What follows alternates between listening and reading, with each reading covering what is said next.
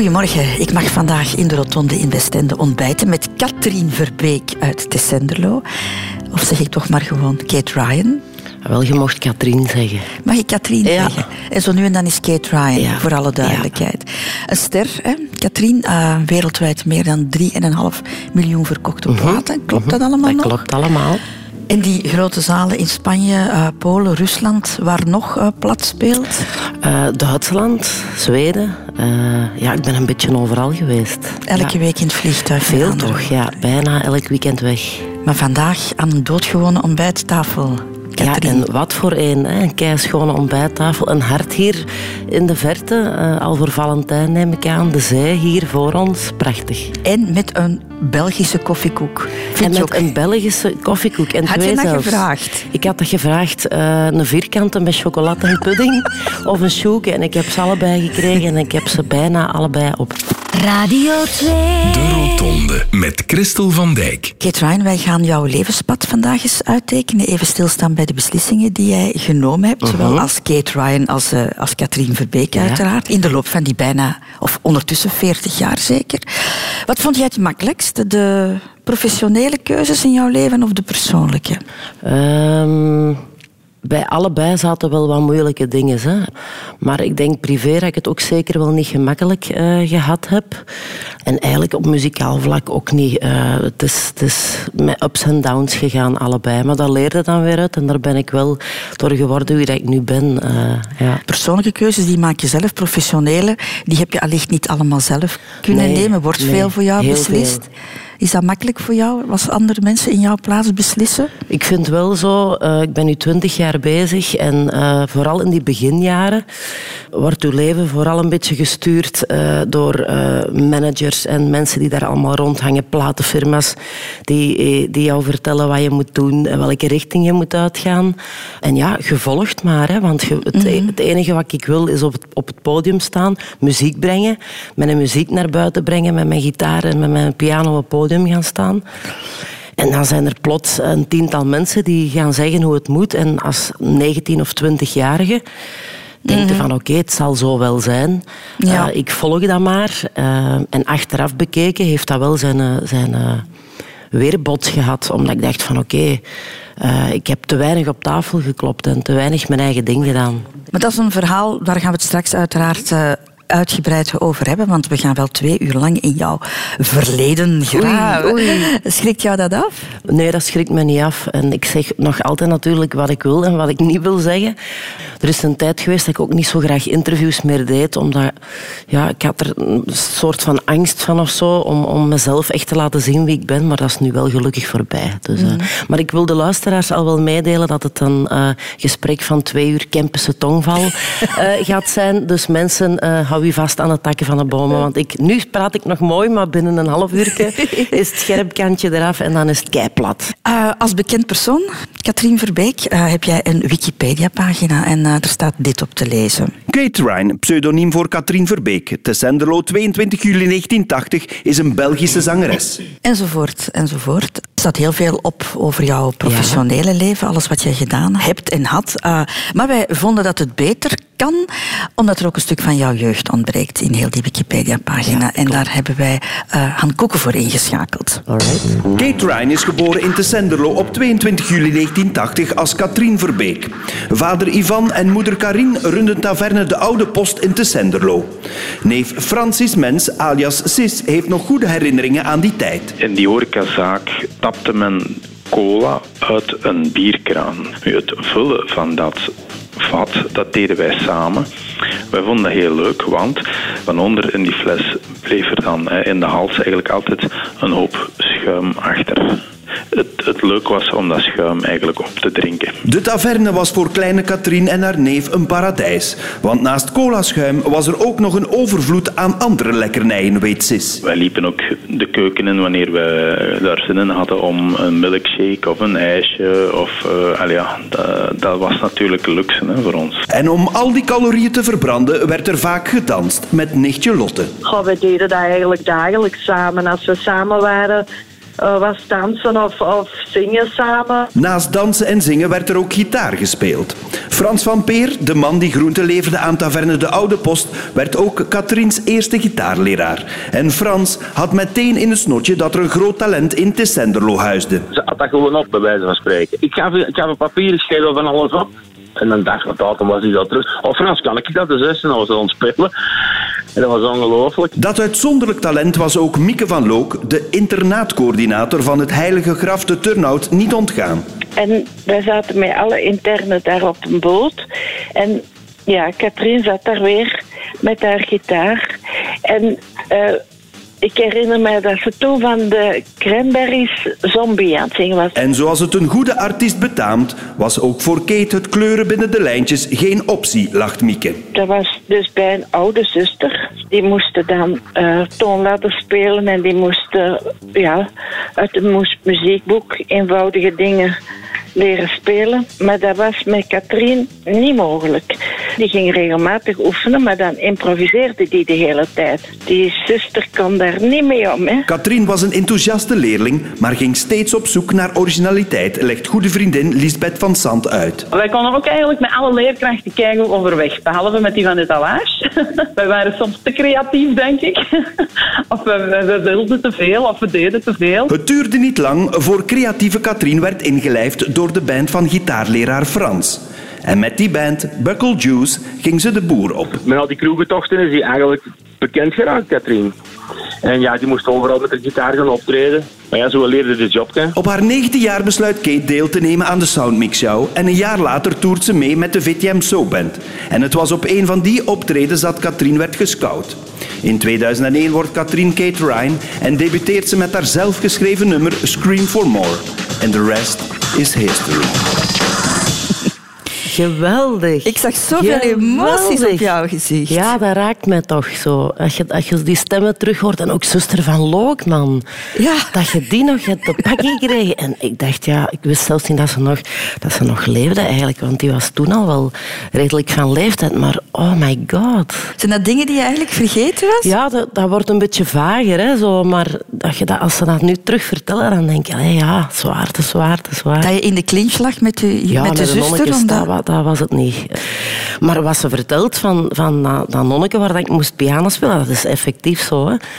Ik wou die toonladders niet spelen. Ik speelde gewoon mijn eigen ding. En ik speelde um, Nijman al op die leeftijd. En ik deed dat ook wel een beetje om de studie te ontvluchten. Want je mocht dan een uur vroeger van die studieruimte weg om te gaan piano spelen. En dat deed ik dan uiteraard wel. Hè. Ik neem jou mee naar de eerste afslag op de rotonde van het leven, Kate Ryan. En dat is uh, geboren worden. Even schetsen, jij bent lange tijd enig kind geweest. Ja, hè, bij ouders die een taverne hadden in, uh, in Descenderlo, de Oude Post.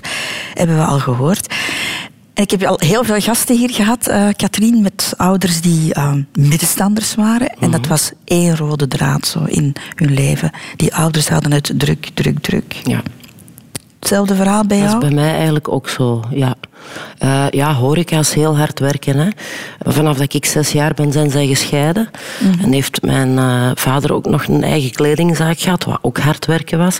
Dus ik ben wel opgegroeid in drukte, uh, rem chaos. Um, misschien weinig tijd ook voor mij. Um, ik ging achter de hoek naar school en wij kwamen dan met onze zus, onze Francis, mijn neef, kwamen wij dan samen van school en dan was dat een, van de kaart kiezen eh, wat we gingen of de dagschotel eten. En er werd, er werd eigenlijk weinig tijd besteed aan het gezinsleven zoals het bij de meesten is en samen eten. Kan je dingen bespreken. herinneren? Zo, van nee, dat jullie ooit nee. samen ontbeten of, of, weinig, of avond? weinig.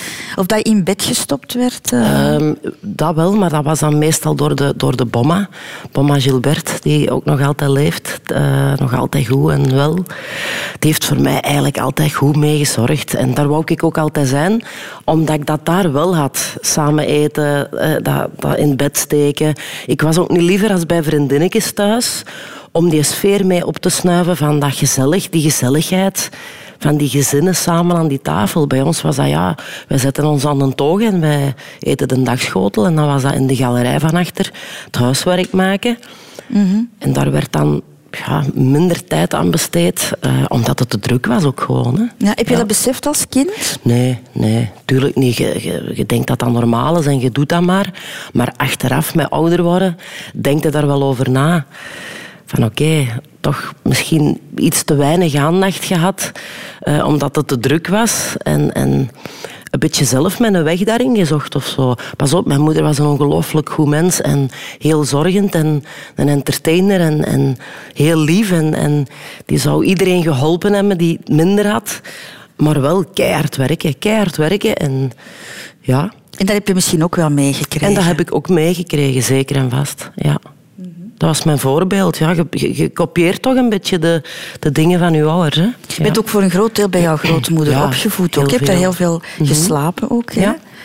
Heb je het gevoel dat je, ja, dat je een beetje een, een, een thuisbasis, dat je die wortels die bepaalde mensen misschien wel hebben, dat jij die gemist hebt? Ik heb die wel wat gemist. Ehm, en ik, ik, ik heb ook het gevoel dat ik als kind niet echt een vaste plek had. Dus ik, het was constant een, verhuis van, eh, van, mijn, van mijn moeder naar mijn vader ook wel geweest. Maar daar heb ik eigenlijk minder gezien als ik heel klein was.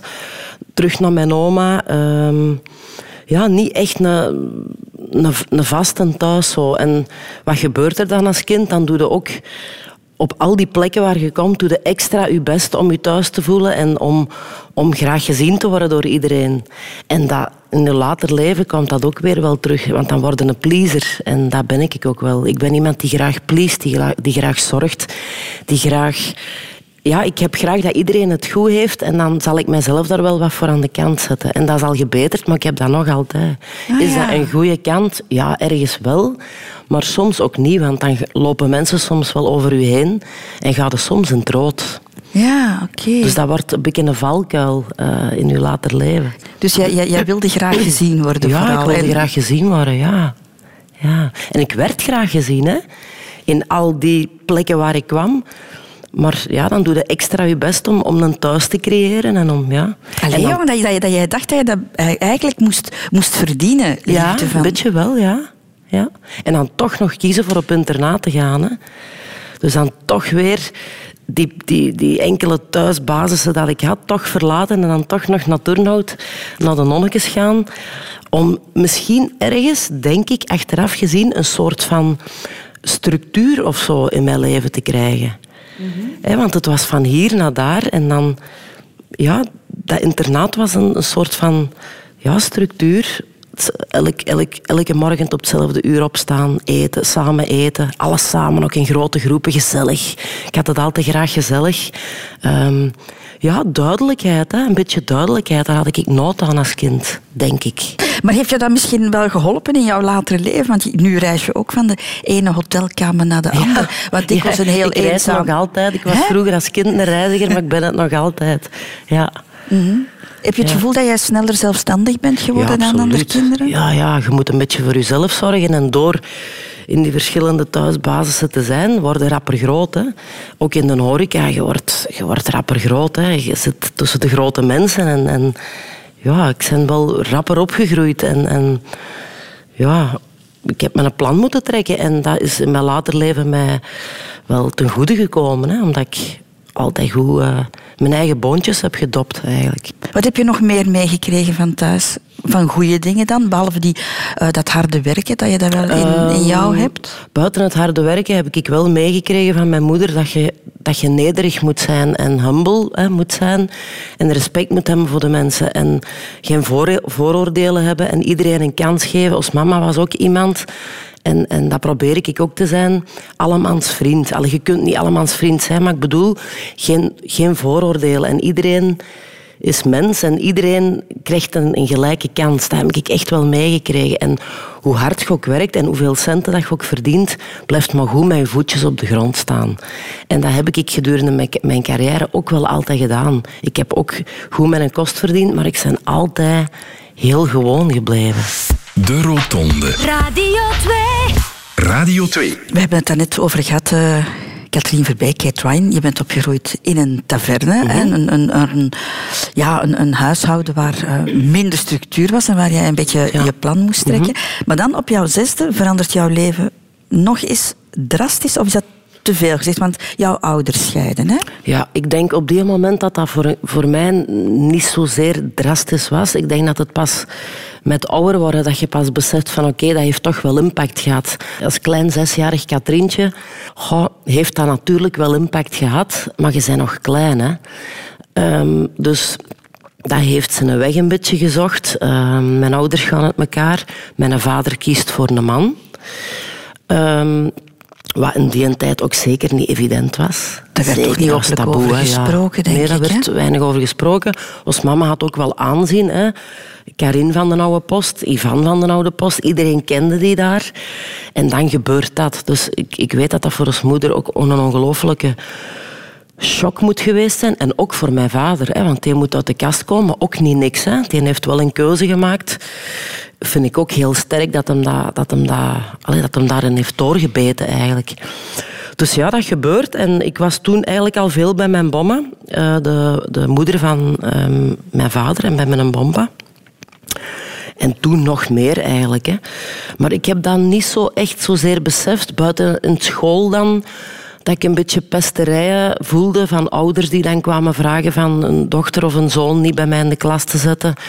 Want dat was een beetje not done. Daar waren ze dan een beetje vies van of dit of dat. Dat, dat stel ik mij nog voor dat gebeurd is. Maar voor de rest Hoe reageer je daar dan als kind op? eh, ja, ik, ons mama heeft daar vooral eh, hard op gereageerd en mijn vader ook. Maar als kind, ja, je bent echt nog wel klein. Hè. Zes jaar, dat is ook al het gegeven eh, dat gay zijn. Ja, dat, je stelt geen vragen als je zes jaar bent daarover. Je snapt dat ook helemaal niet. Dus. Is dat iets waar jij begrip hebt voor leren opbrengen? Is dat ook een, een, een, weg geweest die jij hebt moeten leren afleggen? Ik heb daar niet speciaal moeite of zo over moeten doen. Dat is zo gegroeid, ik ben daarmee opgegroeid. En die eerste jaren waren sowieso wel moeilijk eh, voor ons mama. Maar op den duur, dan spreek ik over drie, vier, vijf jaar verder in dat proces, na die scheiding. Ehm, ja, die zagen elkaar echt nog wel. Dat was geen ruzie meer. Wij hebben nog samen vakanties gedaan waar onze papa met zijn partner Dirk en, en ons mama met haar nieuwe partner Luc, eh, waar dat wij mij vieren op skiverlof en zo gingen. Dus al bij al, dan kies ik liever zo'n situatie dan ouders die, die, die, die ruzie maken. En je ziet er genoeg, hè, waar niet wordt overeengekomen. En dus al bij al is dat nog wel goed gekomen. Ja. Maar waar kon jij terecht met jouw emoties toen, qua emoties, ehm, ook zowel van papa's kant als moederskant, ehm, ook een beetje moeten zoeken voor mezelf om dat een plek te geven. Een beetje een uitlaatklep zelf moeten zoeken, wat dan muziek bleek te zijn. Ehm, maar ik kon dat niet echt kwijt thuis. Zowel bij mijn mama niet, als bij mijn vader zeker niet. Ehm, maar dan wel bij de vriendinnetjes op school.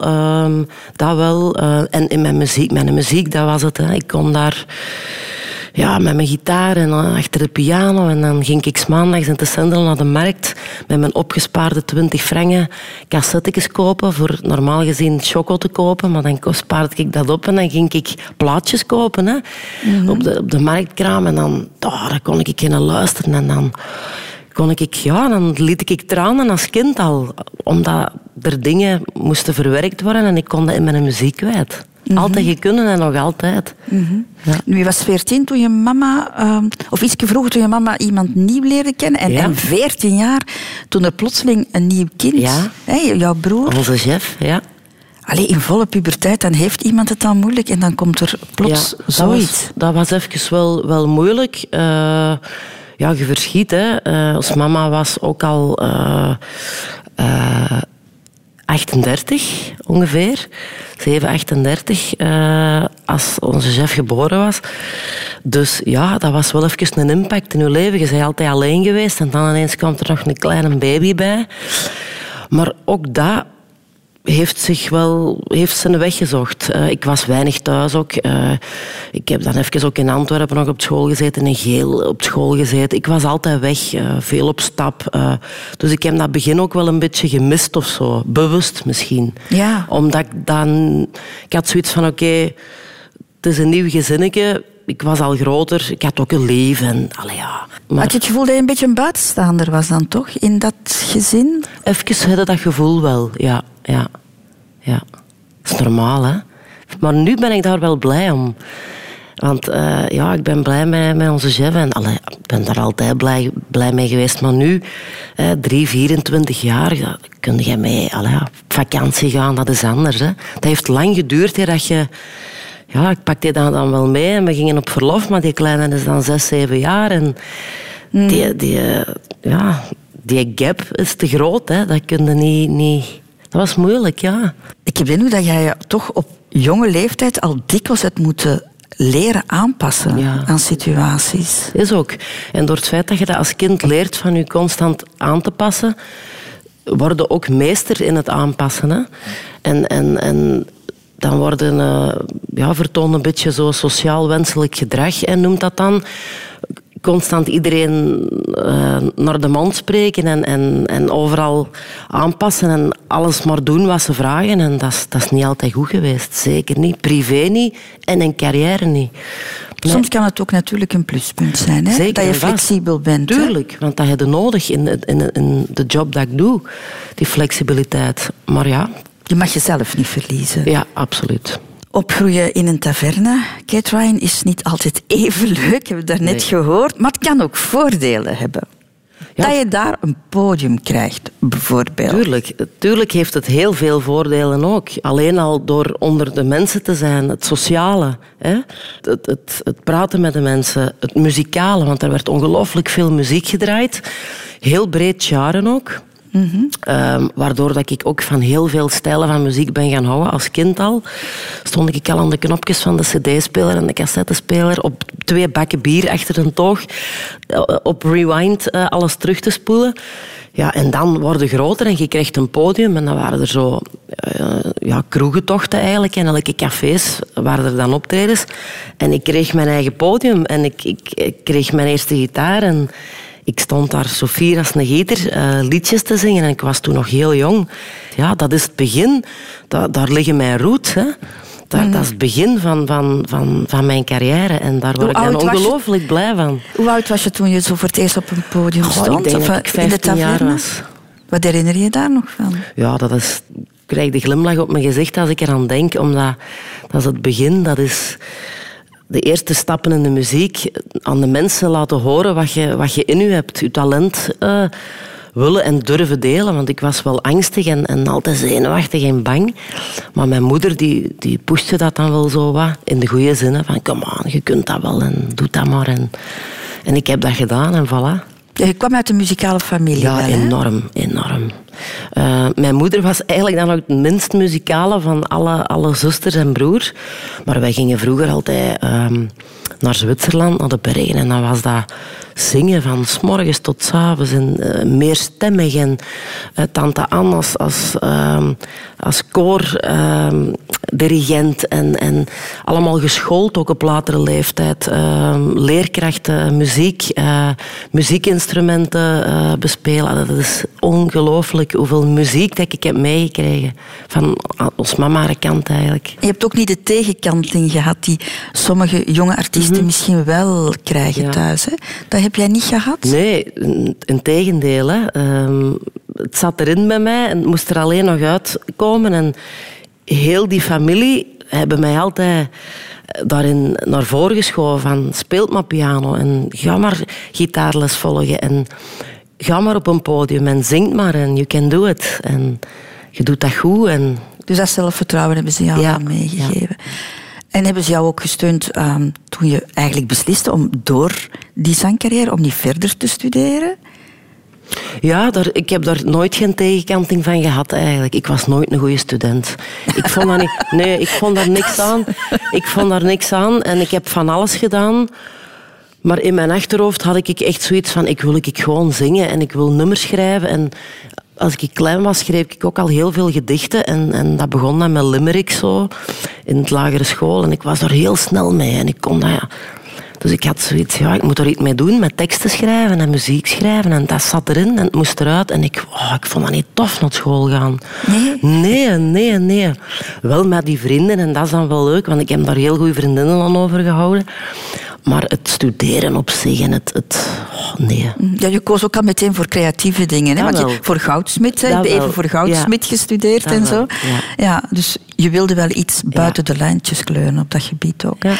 Maar goed, tussen droom en werkelijkheid ligt een hele weg natuurlijk. Hè? Tussen. Tessenderlo en, en, en, en de wereld. Hoe ver wou jij gaan om ehm, buiten dat vertrouwde stukje te geraken? Om, om, om echt bekend te worden? Om... Goh, ik heb daar nooit niet echt bij stilgestaan. Dat gaat altijd verder en verder. En ik heb het, ja, het geluk gehad dat met mijn eerste song, Scream for More, ging dat eigenlijk al heel snel. Hè? Dus je Ja, begint, ja, maar eerst moet je... ja, je begint klein. Ja, de, de Soundmix Show, laat ons daar even. Ah, is ja. dat niet jouw eerste stap, Dat is denk ik ja, dan? Ja, ja, een van de eerste zo. hè. TV-gewijs ook. Ja, ik zeg het, je begint eh, op een klein podium in een café en dan eh, schrijft u jezelf... Alles, mijn moeder had mij ingeschreven voor de Soundmix? Show. Ja, ja, ja, ja. Ik wist dat niet. Ik kreeg die een brief thuis. Ah, je, mag, je bent geselecteerd. Oh my god. Ja, er naartoe. En dat was dan was wel tof om te doen. Ja, en dan vandaar groeit dat weer verder naar iets anders. En dat heeft zo een, een mooie weg afgelegd. En ja, voor je het weet, heb jij een nummer 1 hit in 35 landen, wat dan Desenchanté was. Nu spring ik al wel een paar jaar vooruit. Maar je staat daar op die moment niet bij stil hoe ver je wilt gaan. Je ondergaat dat gewoon of zo. En dat ging altijd verder en verder en dan weer groter en groter en groter. En op den duur staat je daar van boven en, en je hebt zoiets van oké, misschien ook te, te weinig beseft of zo, dat het zo snel, het ging zo snel. Ja, maar je doet alsof je er bijna geen moeite voor hebt moeten doen om, om zo ver te jawel. geraken. ik heb heel, heel veel moeite moeten doen en, en, en heel hard gewerkt en eh, sowieso. Maar het ging snel gewoon, heel snel. Dat vooral, ja. Kate Ryan, nog eens even recapituleren. Ja. In 1999 doe jij mee aan de Soundmix Show Ja. van, eh, van VTM. Je toert ook een tijdje rond met de showband. In 2001 breng jij je eerste single uit. En dat is eh, meteen een groot succes. Het latere nummer Desenchanté nog erger. Dat was een bommetje. Dat Ja, was toch in dat was een 35, bommetje. gel- 35 landen op nummer 1, heb ik gelezen. Klopt dat? Ja, ik dacht, dat dat is is- een fout. dat is echt waar. 35 landen op nummer 1. Ja. en toen was ik nog altijd maar 21 jaar. Hè. Op zo'n korte tijd. Op zo'n korte 1999 eh, Soundmix Show, die, een wedstrijd Ja. die je dan niet wint, hè, om, om te beginnen. En dan plotseling een Ja, wereld. dus van, van op twee jaar van het hele kleine, intieme, gezellige naar het grootste en direct tv's en interviews. En er kwam veel op mij af. En ook niet echte training of zo, mediatraining gehad om... om ja, ik werd, er, ik werd er maar in gegooid en alles ging kei snel. En ja, je wordt een beetje geleefd. Hè. En ik heb wel hard gewerkt, zeker en vast, maar je wordt, je wordt toch geleefd. En dat vond ik niet altijd achteraf gezien even fijn. Maar ik vind dat ook wel veel en, en, en snel voor... En dat bedoel ik niet pejoratief, maar voor een meisje uit de zenderlo. Zo plotseling eh, in al die landen de big star zijn. Ja, ja. Dat is Ja. toch een aanpassing? Ja, tuurlijk is dat een aanpassing, maar ja, ik had eigenlijk de tijd niet om, om, om te goed aan te passen. Het ging zo snel dat je, ja, je wordt erin gesmeten en het moet. Hè. Het moet nu gebeuren en je moet naar hier en je moet naar Spanje en naar Polen, Duitsland. En, en ik deed, maar ik sprong mee op die trein en de trein was weg en ja, voilà. En dan eigenlijk met een genre muziek, dance, waar jij oorspronkelijk toch niet echt voor gekozen had. Nee, nee, nee. Nee, want eh, als ik nog in de cafés aan het optreden was, eh, onder de naam gewoon Katrien, dat was meer een, een, een, eh, een rockrepertoire. Sheryl Crow, Cranberries, Nika Costa... ehm, ja, een beetje Alanis Morissette, zo'n beetje dat. Anouk, dat, dat, dat was hetgene wat ik eigenlijk wou doen. Powervolle muziek eigenlijk, ja. Dat is wat ik eigenlijk wou doen. Maar ja, dan wordt het toch aangesproken door mensen van ja, je hebt talent en we willen iets doen. En eh, zie je dat niet zitten om, om, om een beetje meer poppy, meer dancey. En voor je het weet, je een dance queen. Hè. Wat ook goed is, maar ze hebben mij altijd gezegd, ja, maar je krijgt nog wel de kans om je gitaar. Of, maar geef dat maar even tijd. We gaan, u, we, we gaan u groot maken. wij gaan u populair maken en wij geloven in u en dat kan nog altijd later. Ja, en als je 21 bent, heb je daar waarschijnlijk geen, geen antwoord op, hè? Nee, en, en ik had niet ergens houvast of zo ook, dus ik heb mij maar laten leiden en hun maar laten beslissen. En dat heeft me natuurlijk uh, geen windeieren gelegd, want dat is mijn, ik ben daar groot ja, mee geworden. gevoel ja. Het is, dat, het is dat. Dus ik ben heel dankbaar en heel fier op wat ik allemaal gedaan heb. Zeker en vast. Maar soms een beetje te veel laten leiden door de mensen die rond mij uh, hingen op dat moment. Hè. Had je de indruk dat je niet kon protesteren, dat je je stem niet kon laten ja. horen? Ja, dat had ik het gevoel soms wel, dat ik, dat ik niet gehoord werd of zo. Maar dan daarnaast loopt een groot succes, waar je keihard aandacht en, en uh, iedereen komt op je schouder klappen. Amai, goed gedaan. En dus dat is dubbel, hè. Dat Mhm. was een hele dubbele. En dat heeft zich dan achteraf ook wel weer gevreekt met dan... Uh, dat worden ziek, uh, eetstoornis gekregen.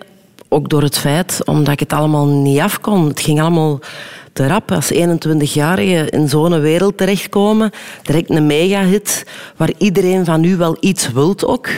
Mm -hmm. En uh, mijn moeder ook verloren uh, in 2001, dat er ook nog bij.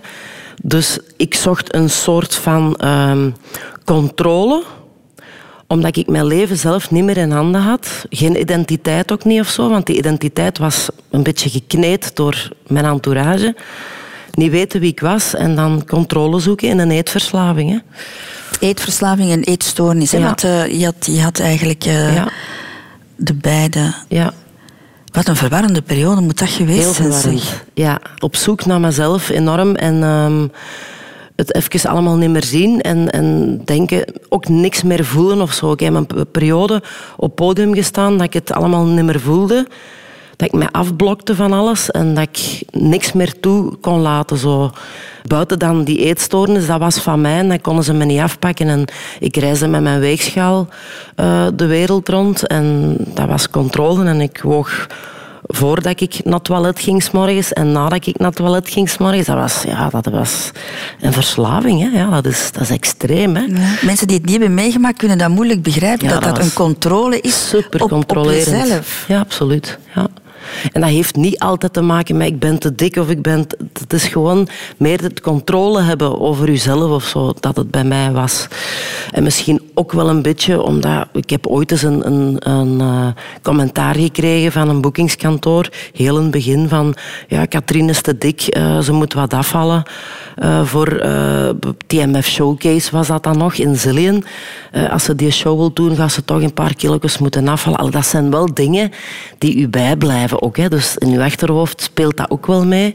Maar dat is zeker niet het ding geweest. Um, gewoon druk, te veel, controle willen hebben, moeder verloren, mm. met een houvast weg. Uh, ja. Ja, en niemand in jouw entourage die dat opmerkte? Ja, opmerkte wel, want ik was graadmager en ik kon niet meer op mijn benen staan. En ik bleef maar gaan en ik bleef maar gaan. Ik dacht, niet opgeven, niet opgeven. Come on, you can do it, you can do it. Tot in Polen dat ik dan ben ingestuikt. En dan, uh, ja, toen, ging, toen was, toen was het gordijn dicht en uh, toen ging het niet meer. En dan heb ik mij laten opnemen ook, hè. Is dat een van de beste beslissingen geweest in jouw leven? Ja, toch wel. Ik had, dat was gewoon nodig. Um, het was ook voor mij zeker en vast nodig en om, om even uit, uit de, de muziekwereld te gaan. Weg van alles en even puur focus op mezelf en mezelf op de eerste plaats zetten. En beetje inzicht in mezelf ook krijgen. Dat heb ik daar wel ook geleerd. Dat was het begin zo, dat ik, dat, dat ik identiteit begon te krijgen en te zien van oké, okay, wie, wie ben ik, wat wil ik? Welke mensen wil ik nog in mijn leven, welke niet? Toen was ik ook nog jong, hè, maar toen, dat was zo al lichtjes het begin van dat zelfinzicht. En ja, ik had gewoon echt een, een, een verslaving. Hè. Dat is gelijk een alcoholverslaving of een drugsverslaving, een eetverslaving. Mm-hmm. Niet eten, of ik had een beetje de twee, bulimie, anorexia. Dus ja, dat had wel wat maanden nodig om, om, om daarvan te recupereren en mijn eigen zelf terug te vinden. Je bent daar vijf maanden ja. geweest, hè? Mm-hmm. Is dat dan een verademing?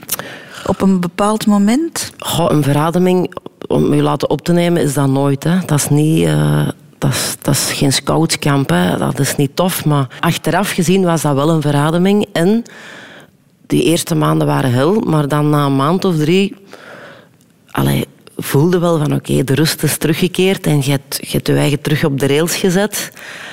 En je ziet je hebt terug een klare kijk of zo. Dat was nodig en ik ben blij dat ik dat gedaan heb. Je hebt daar altijd, of niet altijd... Nee, want je hebt het een, een, een tijdje heb je daar niet echt over willen praten. Maar daarna ben je daar heel openlijk over Ja. beginnen getuigen. Waar, waarom? Omdat ik daar een beetje een voorbeeld in, in wil zijn eh, voor, voor jonge meisjes die met hetzelfde probleem kampen. En ik denk, als bekende, als je dat kunt uiten en dat verhaal delen met iedereen, dat dat wel kan helpen bij, bij, bij, ja, bij jonge meisjes die misschien schrik hebben van een opname of die vinden dat dat not done is of dat dat nog een soort van schaamte of zo rondhangt. Ehm, dus ik, I spread the word en ik hoop dat, dat iemand daar iets mee is en dat dat niet, je moet daar niet verlegen voor zijn hè, om, om, om te zeggen van nu kan ik niet meer, het licht is uit en ik ga er iets aan doen. Ik vind dat eerder een, dat dat getuigt van sterkte en, en kracht. Is er voor jou een periode voor en na? Deel jij je leven zo in? Ehm, ja, misschien een beetje wel. Ik, ik, als ik daar ben buiten gekomen, was ik natuurlijk niet meer dezelfde Katrien. Als ik ervoor was, maar toch, na die opname was er dan Eurosong. Terwijl ze mij in tienen, want ik was in tienen in opname, hadden ze mij wel gezegd... Katrien, zij voorzichtig. Ga daar nu niet direct terug in vliegen, want pak u een tijd. En, maar ja, pak u een tijd, dan staan die managers al terug klaar. En dan heb ik, ben ik toch weer snel terug erin gevlogen. En dan ineens was het Eurosong. En dan win ik die, die preselecties ook nog eens. En kon ik naar Athene. Dus dat was weer omhoog. Ik was klaar, hè. Ik was rustiger in mijn hoofd. Maar dan ja, neemt dat toch weer terug zo'n vaart. Gelijk het ervoor eigenlijk was. En dan is het een delicaat... En dan wordt het delicaat en dan... Het enige verschil is dat je dan wel voor jezelf sneller de alarmbel hoort rinkelen van oké, nu moet ik ingrijpen, want je, hebt altijd een klein beetje herval. Hè. Dat is bij iedereen zo die een opname heeft gehad. En bij mij was dat ook een beetje terugval. Zo. Ehm, dus ja, je, je verliest dan terug wat kilo's en dat is dan toch weer zo even terug naar af. Maar ik ben er toch doorgekomen. En is er, is er een moment geweest dat je zegt van nu ben ik er helemaal door? Ik denk dat je daar nooit helemaal door bent. Tot op de dag van vandaag eh, blijf ik wel met voeding bezig. Niet in de mate dat het, dat het extreem is of dat ik eh, graadmager ben, maar ik zal wel altijd op mijn lijn blijven letten. Ehm, en met, met, met voeding bezig zijn en daar veel over lezen. Dat is ook een soort van controle, toch nog een klein beetje. Maar dat is niet, niet fout. Ik vind dat, dat vind ik nog gezond. eh. Maar heb jij soms het gevoel gehad dat je een soort product was dat moest verkocht worden? Ja. En als het niet meer goed verkoopbaar was, kon het weggesmeten worden? Dus ja, een zoiets? beetje wel, hè. Ja. Ook pas later, hè, dat ik dat gevoel soms had van... Ja, je bent verkoopbaar, hè, en ze, je wordt verkocht voor een prijs en dan moet je maar presteren. En als je te oud wordt, ja, dan telde je niet meer mee. Ik heb meegemaakt, nog niet zo lang geleden, met een platenfirma die, die zegt, ja, sorry, maar eh, Kate Ryan, dat is afgeschreven, dat is te oud, dat is niet hip genoeg, dat moet hip en jong en fris zijn. En ik verzorg mijn eigen nog en ik, ik weet dat allemaal wel, maar dan, ja, dan word jij... telt niet meer mee. En dat is keihard, daar moet je sterk Amai, zijn. Maar dat heb ik wel geleerd in de loop der jaren om mij aan te sterken. Hè. En, en om kracht te hebben en te denken, kom aan, eh, als je dat niet wilt doen, dan zoek we iemand anders en dan komt het wel goed. En het is ook goed gekomen, want dan komt gold uit en dan is dat weer een groot succes. En dan denk ik, yes, zie je wel. Ja, want je hebt natuurlijk wel de stap nu ook gezet naar een ander soort muziek. Hè? Die Ja, Gold was ja. al een, een totaal Mhm, ander mhm. nummer dan, zal ik maar zeggen, Désenchanté. Ja. Dat heb je voor jezelf gedaan. Dat heb ik voor mezelf gekozen. Wat, ik vond dat ook nodig, omdat ik ben ongelooflijk gegroeid als mens in die twintig jaar als artiest ook. En uw muziek groeit mee. Hè. Het zou raar zijn, moest ik nog dezelfde stijl van muziek eh, gaan doen nu, op deze moment. Ik ben 39 jaar. Ja, ik vind de dingen dat ik nu doe en de dingen dat ik nu schrijf, leunt meer aan met wat ik vroeger eigenlijk deed. Back to the roots. Meer akoestisch, beetje meer indie. Ehm, ja, gitaren, akoestisch, daar hou ik van. Dat is, zo ben ik begonnen. Dus ik voel wel met ouder worden dat ik meer terug zo naar, naar, mijn- naar mijn, mijn roots ga. En dat is goed. De echte Katrien Verbeek. Ja. Ja. Je hebt dus voor jezelf gekozen, maar gaat het publiek mee? Want dat is voor een artiest natuurlijk levensbelangrijk. Ja. Tuurlijk. Ja, en dat, is ook, dat zijn dan ook vragen waar je mee zit. Van, ja, gaan ze dat wel goed genoeg vinden? Ehm, maar soms moeten moeten springen en moeten het gewoon doen. En het is, ze hebben het toch met open armen ontvangen. En, en ik heb het gevoel dat, dat ze toch wel appreciëren. En je spreekt ook een, een nieuw publiek aan. Hè? Ja. En met een nieuw soort ehm, muziek naar voren te schuiven. En eh, pas op, hetgeen wat ik vroeger gedaan heb, Desenchanté en, en Scream for More, Voyage, Voyage, al die coversongs, die blijf ik zingen en je t'adore. En iedereen wil mij dat ook nog wel horen Tuurlijk. zingen. En ik zal dan nooit...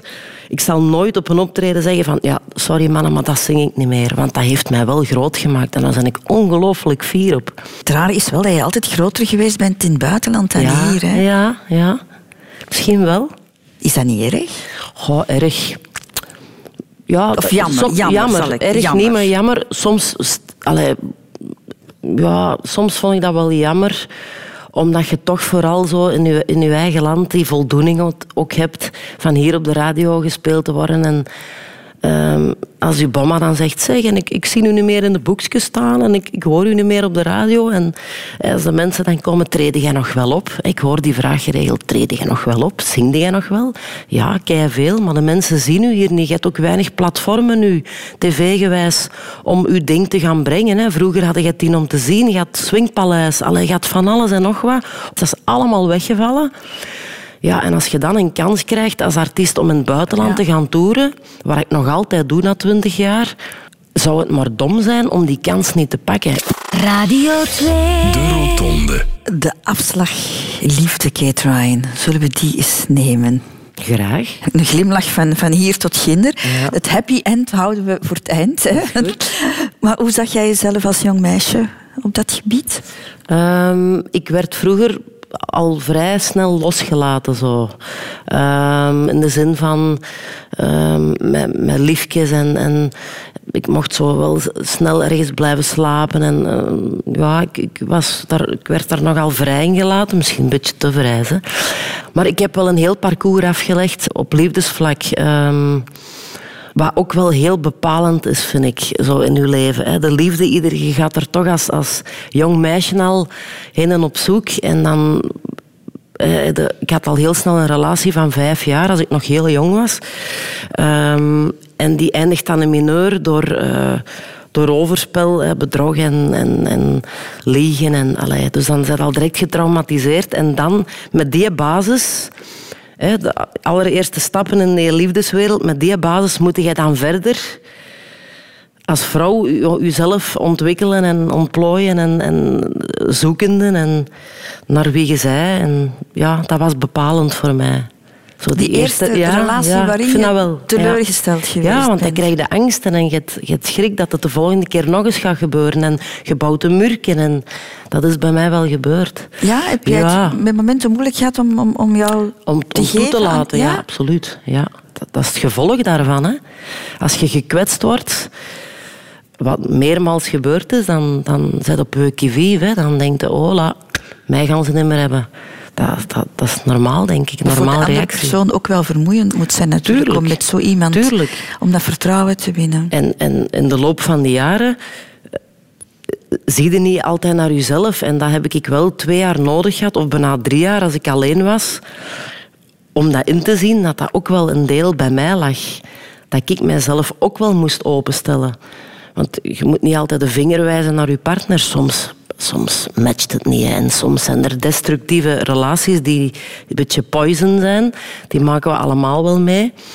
Maar soms moet je ook eens naar jezelf kunnen zien en in de spiegel kunnen zien en zeggen van oké, hier ben ik ook niet goed bezig en ik moet mij wel openstellen voor een goede man aan te trekken. En, en ik moet mijn gevoel eh, kunnen tonen en over emoties kunnen praten. En al uw lagen moeten, moeten afgepeld kunnen worden om, om dicht bij mijn hart te komen. En dat waren er veel. En nu heb ik gelukkig een man gevonden die mij helemaal puur kan zien en waar ik puur kan zijn wie ik wie ik ben, wie ik wil zijn, met alle aspecten daarbij, de donkere en de lichte, want ik ben iemand van contrasten. Ik kan heel licht zijn en heel donker zijn. En ik kan dat bij niemand, allee, bijna bij niemand laten zien, maar bij Christophe wel. Wat heeft hij precies geraakt bij jou, waardoor dat je Ehm, verzacht bent op dat gebied? Hij is iemand die heel veel rust uitstraalt, eh, stabiliteit uitstraalt. Ehm, ik kan daar uren mee, mee spreken, over het leven analyseren. Allee, ja, rustig gewoon. En ik had dat wel nodig. Ik, mijn leven was altijd druk en chaos en, impulsief. En, en dat is er echt helemaal af nu. En die heeft mij rust gegeven, vertrouwen gegeven ook. Van het is goed gelijk het is, je bent goed gelijk je bent. Het is ja, vertrouwen gegeven, dat is toch alles. gaven andere mannen jou dat Minder. idee niet van je bent goed zoals je bent? Minder, minder. Ja. ja. Veel minder, ja. Mhm. Dus ja, dat is wel een heel eh, proces dat ik ben doorgegaan, maar je ziet, het komt dan toch wel goed. En dan trouw je zelfs. Ja, ja. Ik ben wel ben een romanticus. Hè. Ik, eh, ik hou van romantiek en ik, dat hoort er dan bij. Zo. En ja, je bent geen twintig jaar niet meer en ik denk, kom aan, we doen een zot en we trouwen en we zien elkaar graag. En, oh, ja, liefdevol, zorgend voor elkaar. Liefde is zorgen voor elkaar eigenlijk. Hè. En dat doe ik graag. En Christophe ook, dus ja. En zit je nu in, in, die, in die relatie met, hoe moet ik het zeggen, open ogen is niet het, niet het goede woord, maar in volle vertrouwen of blijf je toch nog altijd op enigszins waakzaam zo? Dat, dat hangt van... De, ik heb soms dagen dat dat echt volledig weg is. Dat ik echt mijn open hart en, en vol liefde naar iets kan kijken, naar hem kan kijken. Maar er zijn nog altijd dagen waar ik daar straks bedoelde, licht en donker. Ik heb soms zware dagen dat ik soms terug angst voel. En dat ik denk, oei, stel u voor dat, het, dat, dat ik zo'n beetje negatief word. Ik kan dat wel, wel hebben. Maar ik kan dat ook snel terug omdraaien. Vroeger bleef ik daar langer in hangen. Ehm, dat zijn ook technieken. Hè. Je kunt dat leren om, om die gedachten om te draaien. En ik heb eens een boek gelezen van Leen Rijkaard. Je bent niet jouw gedachte. En dat was voor mij echt een, een eye-opener. Gewoon hoe, hoe je dat kunt, hoe, hoe je gedachten je gemoed bepalen, dat is ongelooflijk. En als je gewoon positief denkt, dat is nu simpel uitgedrukt, hè, dan gaat je eigen daar ook naar gedragen en, en, en voelen. En dat vond ik zo'n fantastisch boek. En dat is een beetje wat ik nu meer kan als vroeger. En mijn Christophe, die eh, drukt dat mee naar boven. Die, die zachtaardigheid in mij, die goedheid, die, die maakt mij beter gewoon. Dat, ja, die, die haalt het goede uit mij en ik het goede uit hem. En wel zijn twee handen op één buik. Ja. Ik vind het echt heel mooi als je dat vertelt, man. Jouw ogen, die, die, Ja. die, die, die En dan dat hartje daar op de achtergrond, dat is gewoon... gewoon ja, maar ik, ik, ben, ik ben heel liefdevol maar, en, en heel zorgend, maar ze moeten het eruit krijgen. En er zijn er weinigen die het er hebben uitgekregen en Christophe heeft het er toch uitgekregen. Ik zeg het hem duizend keer. Ik schrijf veel briefjes ook als hem dan aan het werk vertrekt of als hem thuis komt, schrijf ik briefjes. Ehm, ik zeg het duizend keer, dat is ongelooflijk dat, hoe dat hij mij heeft kunnen raken gewoon tot- waar het moet. Hè. En dat gaat met tranen ook. Hè. Ge- Gerust, ik geef dat gerust toe dat ik dagen heb dat ik, dat ik echt eh, zit te huilen. En om, om dingen van vroeger ook, of dingen die getriggerd worden, dat ik terug dat ik boven haal. Of, en dat is allemaal goed. Dat mag allemaal thuis. Laat het maar gaan en laat het er maar uit. En Ik heb alles opgekropt vroeger en nu ik doe het niet meer. Nee. Christophe, jouw man heeft een, een, een dochter, hè? Ehm, acht jaar ondertussen. Maar jij of jullie hebben samen beslist van niet samen voor kinderen te gaan. Dat is definitief. Dat is definitief, ja. Ik ben ook al 39 jaar. Ehm, kan nog, hè, maar we zijn daaruit. Eh, het is goed gelijk het is. En ehm, een paar jaar geleden hebben we daar wel even misschien nog een twijfel over gehad. Van gaan we het doen of gaan we het niet doen? Maar dan het rationele tegen het emotionele. En ik heb ergens wel zo het gevoel gehad van ja, met geen kinderen te hebben hoort er ergens niet bij of zo. Als ik dan naar een schoolfeest ga eh, van Mila wat dat ik met plezier doe, ja, dan zet jij de plusmama die daar dan staat en al die moedertjes, dat klikt samen en dan zet een beetje een buitenstaander of zo. Maar moeten daarom dan kinderen, moeten dan nog een kind Om op de wereld gaan zetten? Moet ja. dat in deze tijd? Nee, dat hoeft niet. En het is zo ook goed genoeg. En ik zal voor Mila mee zorgen, met heel mijn hart. En, en ik zal die alle zorg geven wat dat, wat dat kind nodig heeft. En het is goed met ons drie. Kate Ryan, de laatste afslag, daar ga ik jou mee naartoe nemen nu. En dat is eh, doodgaan. Oei. Statistisch gezien is dat nog ver weg, maar goed, wat heeft een mens aan statistieken natuurlijk? dat is waar, ja. Ik denk dat jouw moeder daar misschien het beste voorbeeld van is. Hè? Ja. Begin 40 Eh, was ze? 43 was ze. Diagnose kanker, ehm, pancreas. Dus dat is al eh, redelijk heftig. Eh, in april ziek geworden en eh, in november gestorven. Dus dat is heel snel gegaan ook. En ja, die leeftijd, dat is waanzin. Hè? Dat is, vroeger staat het daar zo niet bij stil omdat je denkt, ja, 43 en je bent zelf nog jong, dat is ver van mijn bedshow. Hè. Maar nu word ik 40 en dan denk ik, oh my god. Stel je voor dat ik hetzelfde pad moet bewandelen als ons moeder. Dat is dan binnen drie jaar. Hè. Ik denk soms zo en dan word ik angstig. In, mijn, in mijn minder goede dagen, gelijk ik daar straks al zei, kan ik een angst over mij hebben.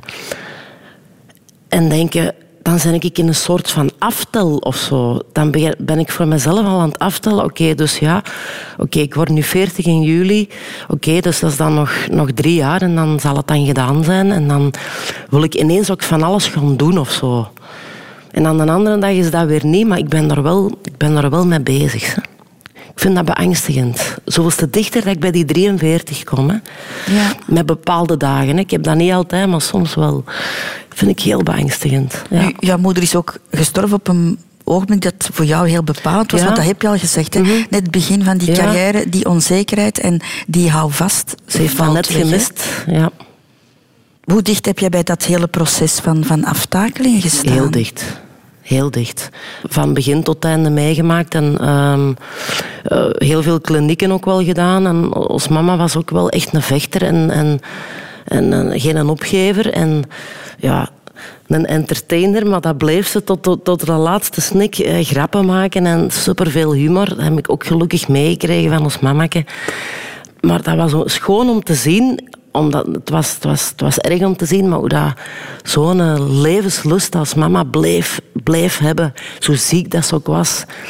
Met haar morfine, pompje en, en blijven gaan. En als mama dronk dan eens graag een glas wijn of een glas cava. En ze kon dat niet goed meer recht. En dan had ze zo een klein plastieke bekertje van de kindjes zo, waar ze dan konden drinken. En dan riep ze mij en dan zei ze... Katrien, doe dan nog eens rap een scheutje cava. En zei ze dan. en dan ging ik dat rap vullen. Hè. En dan had niemand dat niet gezien. En dan knipoogde ze. En die genoot, hè. Die genoot tot het laatste moment. Maar dat was, ja... Tristig om te zien. Dat was super hard, maar tegelijkertijd gaf mij dat ook kracht om te zien... Oh my god, hoe kun, hoe kun jij tot de laatste snik zo... Ook zelfs nog zorgen voor, voor mij en mijn broer. Hè, want mijn broer was maar zes jaar toch nog alles meeregelen tot op begrafenis aan toe. Alles meegekozen. De boekjes meegeprint, wat dat erin moest. Ongelooflijk. Maar ik zou ook zo zijn, denk ik. Ik zou dat ook doen. Ze heeft dat voor jullie gedaan Ze heeft dat voor ons gedaan. Alles gezorgd dat iedereen het goed had. En, ja. en ze is dan thuis gestorven ook. En ik was erbij. Dus ja, dat is super, super hard. Hè. Ja. Was dat een troost dat ze tot de laatste dag thuis gebleven Ja. is? Ja, dat was een rustig sfeer met de familie en ja, iedereen erbij. En dat he- dat heeft zo moeten zijn. En er, er liedjes op dat ze graag hoorden. En, Heb je zelf gezongen? ja. ja. Ja? Met mijn nichtje Lotte. Ja. Dat wou ze en ik had dat beloofd, dus ik heb dat gedaan. Wat heb je gezongen? We hebben Tuares gezongen, eh, tweestemmig. Ik met de gitaar en ons Lotte, tweede stem. Ja. Heb je daarna genoeg tijd gehad om, om, om jouw verdriet te verwerken? Nee, eigenlijk niet. Want ik zat toen al... Ik was toen, het was echt het beginnende stuk van mijn carrière. Dus ik heb dat eigenlijk geen plaats kunnen geven. Ik weet nog dat ik de dag erna of twee dagen daarna een videoclip moest opnemen. Waar ik niet tussenuit kon. En ik ben maar gelijk een, een gek op die carrière gestort en dat een beetje weggedrukt. Maar je ziet, dat komt er toch Dat uit. komt eruit, Het hè. Dat komt is zo- eruit. verdriet laat zich niet verdringen, hè. En nog altijd, want dat is nu al heel lang geleden, maar toch. Hè, je trouwt dan en je denkt, allee, godverdikke. Het zat dat hier moeten zien. Hè. Ook als een bom, hij was ook maar 63. Ook aan kanker verloren. Ook jong, hè. Die hadden hier allemaal nog moeten staan, hè. Tju toch, denk dan. Ja, dat blijft een gemis. Ja, dat blijft toch een gemis, omdat je dingen wilt delen, hè. Je wilt dat delen. Maar je hebt ze bij wijze van spreken altijd mee, want je hebt daar... Je hebt... Ja, ik heb een tattooetje gezet. eh Ja. Mam, hier. En dat zal er voor altijd blijven op staan. En mijn trouwringsje hier getatoeëerd. En Op mijn- jouw linkerhand? Ja. Ja. En mijn, mijn mama rechts. En dat is al wat ik moet hebben. De twee mensen die dichtst bij jou staan, Absoluut. die zijn dicht bij jou. Ja. Kate Ryan, we hebben een heel parcours afgelegd. We zijn bij jouw geboorte begonnen. Uh, we zijn ook even blijven stilstaan bij jouw dood. Uh, maar één afslag hebben we nog niet genomen. En dat is, uh, wat brengt de toekomst? Wat wil jij nog, nog doen? Wel, ik ben uh, nu volop uh, bezig met de productie van mijn nieuwe song. Die is al uh, in april. gaan we die op het publiek loslaten. Een beetje dezelfde stijl als Gold en Wild Eyes. Weer hetzelfde genre. Eigen nummer ook weer. Mm, en buiten dat veel optreden, veel reizen. De dingen doen waar ik nu mee bezig ben. Ik heb ook een 80 was machtig tournee waar ik mee rondtoer met mijn uh, zes muzikanten. We zijn vorig jaar van start gegaan in het Cursaal Oostende. En we gaan nu vanaf oktober, is dat dan wel, uh, 2020 uh, de cc's doen. Mm -hmm. Een hele show met allemaal muziek van de jaren 80, pure nostalgie. Nummers waar je blij van wordt. Die bepalend waren in mijn jeugd. Ja. Uh, in mijn kind zijn, waar ik mijn inspiratie gehaald heb, uh, wil ik heel graag delen met de mensen. Ja. En wil je op persoonlijk vlak nog iets of is alles compleet? Voor mij is uh, alles compleet, ja. Zo heb ik jou ook leren kennen, deze twee uur, Kate Ryan, als een, een vrouw die uh, ja, gelukkig geworden is en, en, ja. en, een balans gevonden heeft in het mm -hmm. leven. Het is fijn dat je dat met ons wou delen. Dank je wel. Alsjeblieft. En dan is er nog het gastenboek. Ja. En dat is het laatste wat ik van jou vraag. Ja, ik, zoals ik al zei, ik ben iemand die graag uh, gedichtjes... Um, schrijft. Ik ben in januari ook begonnen met 365 dagen poëzie. Dus ik schrijf elke dag een gedicht. En daar wil ik ooit ook eens iets mee doen, een boeken of zo. Dus ik heb voor u een gedicht geschreven. Wow. Klein, maar fijn. Christel. Een geweldig gesprek, eerlijk en oprechte woorden. Samen zeveren op een rustige, warme plek. Bedankt om het te horen. Veel liefs, Katrien.